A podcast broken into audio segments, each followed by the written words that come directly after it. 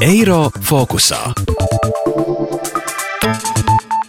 Pasaules čempionāta hokeja sarīkošana nozīmē gan izdevumus, gan arī iespēju kaut ko nopelnīt. Tiesa, šogad Covid-19 pandēmija ieviesīs savas korekcijas.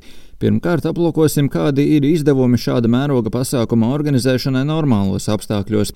Lai to noskaidrotu, Latvijas radio uzrunāja Sijā Hokeja akadēmija valdes locekli Edgars Bunci, kam uzticētas tiesības rīkot šī gada čempionātu. Rīkotājs ir atbildīgs par visu čempionāta izmaksu un norisi no momenta, kad komandas tiesneši un pārstāvi ierodas Rīgas lidostā. Tātad sākot ar transportu, viesnīcu, ēdināšanu, pirmsspēles ēdināšanu, spēles laika ēdināšanu, arēnu īre, treniņu procesu īre, drēbju mazgāšana, šūšanas, visi pakalpojumi, vietas nodrošināšana, kā es minēju, loģistika, viss, viss, viss, kas ir saistīts ar pašu čempionāta norisi, tās visas ir organizēto izmaksas.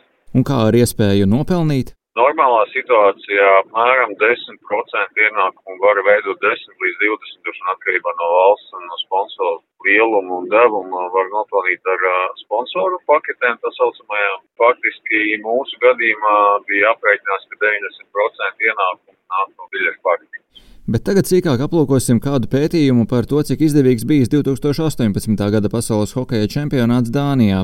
Kā secināts pētījumā, ko veikuši vairāki dāņu eksperti, ievāktie un analizētie dati liecina par to, ka čempionāts uzskatāms par veiksmīgu.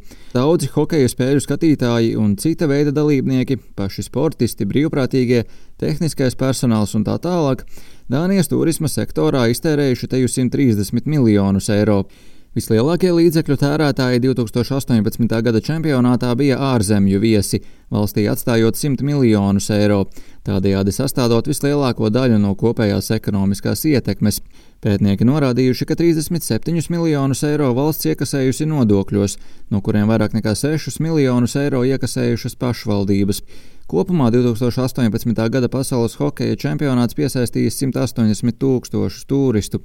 Katrs čempionāta apmeklētājs sporta pasākuma norises vietā vai ap to pavadījis vidēji četras dienas, un vidējie vienas dienas izdevumi bijuši 180 eiro, ieskaitot biļešu iegādi.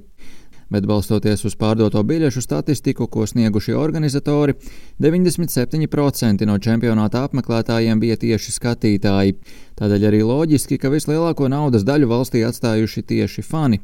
Pētījuma autori noslēgumā norāda, ka secinājumi skaidri parāda, kāda ir šāda mēroga sporta pasākuma ietekme uz rīkotāju valsti, kā arī to, ka čempionāts Dānijā bijis labi organizēts pasākums, kas atstājis pozitīvu ietekmi uz ienākumiem turisma nozarē, veicinājis turistu piesaisti Dānijā nākotnē un bijis labs valsts mārketings. Kā uzsver Buncis, Latvijai vēl ir jāmācās un jāsaprot, ka visi lieli pasākumi normālā situācijā jebkurā gadījumā ir pluss, par ko liecina aprēķini pirms Covid-19 krīzes. Valsts ekonomika no šīm 16 dienām, kas būtu novisinājis čempionāts, iegūtu papildus 55 līdz 60 miljonus eiro, no kuriem tikai nodokļu veidā, tiešā nodokļu veidā valsts eh, budžets iegūtu apmēram 11-12 miljonus, tad maz nerunājot par visiem pārējiem nodokļiem, Līdz ar to visi šāda mēroga pasākumi valstī ir liels pluss. Visu labi saplānojot, tā esot iespēja arī federācijai gūt papildus finanšu līdzekļus nākotnes attīstībai. Pēdējos 11 gados organizatori ir spējuši nopelnīt uzsver buncis, lai gan ir bijuši gadījumi ar mīnusiem, un šādi piemēri nemaz nesot tālu jāmeklē. 15. 14. gads, kad pasaules čempionāti divus gadus pēc kārtas rīkoja Zviedrija un Somija, nācies secināt, ka tajos divos gados Somija kā rīkotājs un Somijas federācija no tā iegūta veļa, kas bija mērām pāris miljonos eiro. Savukārt Zviedrijas federācija um, cieta zaudējumus.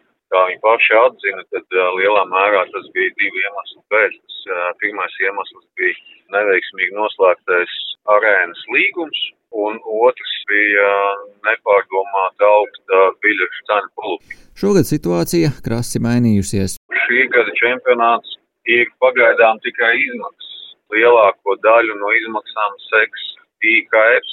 Ja izdosies, protams, un ja situācija uzlabosies, un ja Latvijā būs iespēja piesaistīt skatītājus, un ja tu, teiksim, veidojas situācija, kad mums izdodas piesaistīt pietiekami lielu skaitu sponsoru, tad droši vien kaut kādu daļu izmaksu tas palīdzētu sekt, bet vai mēs no tā gūsim peļņu, nu, droši vien, ka tas būtu liels pārsteigums un pozitīvs pārsteigums, ja tas tā būtu. Paredzams, ka par čempionāta norises vietu Startautiskā ledus hokeja federācija lems nākamnedēļ, bet skatītāju klātbūtne čempionātā būs atkarīga no epidemioloģiskās situācijas konkrētajā valstī. Rihards Plūme, Latvijas radio. Eiro fokusā.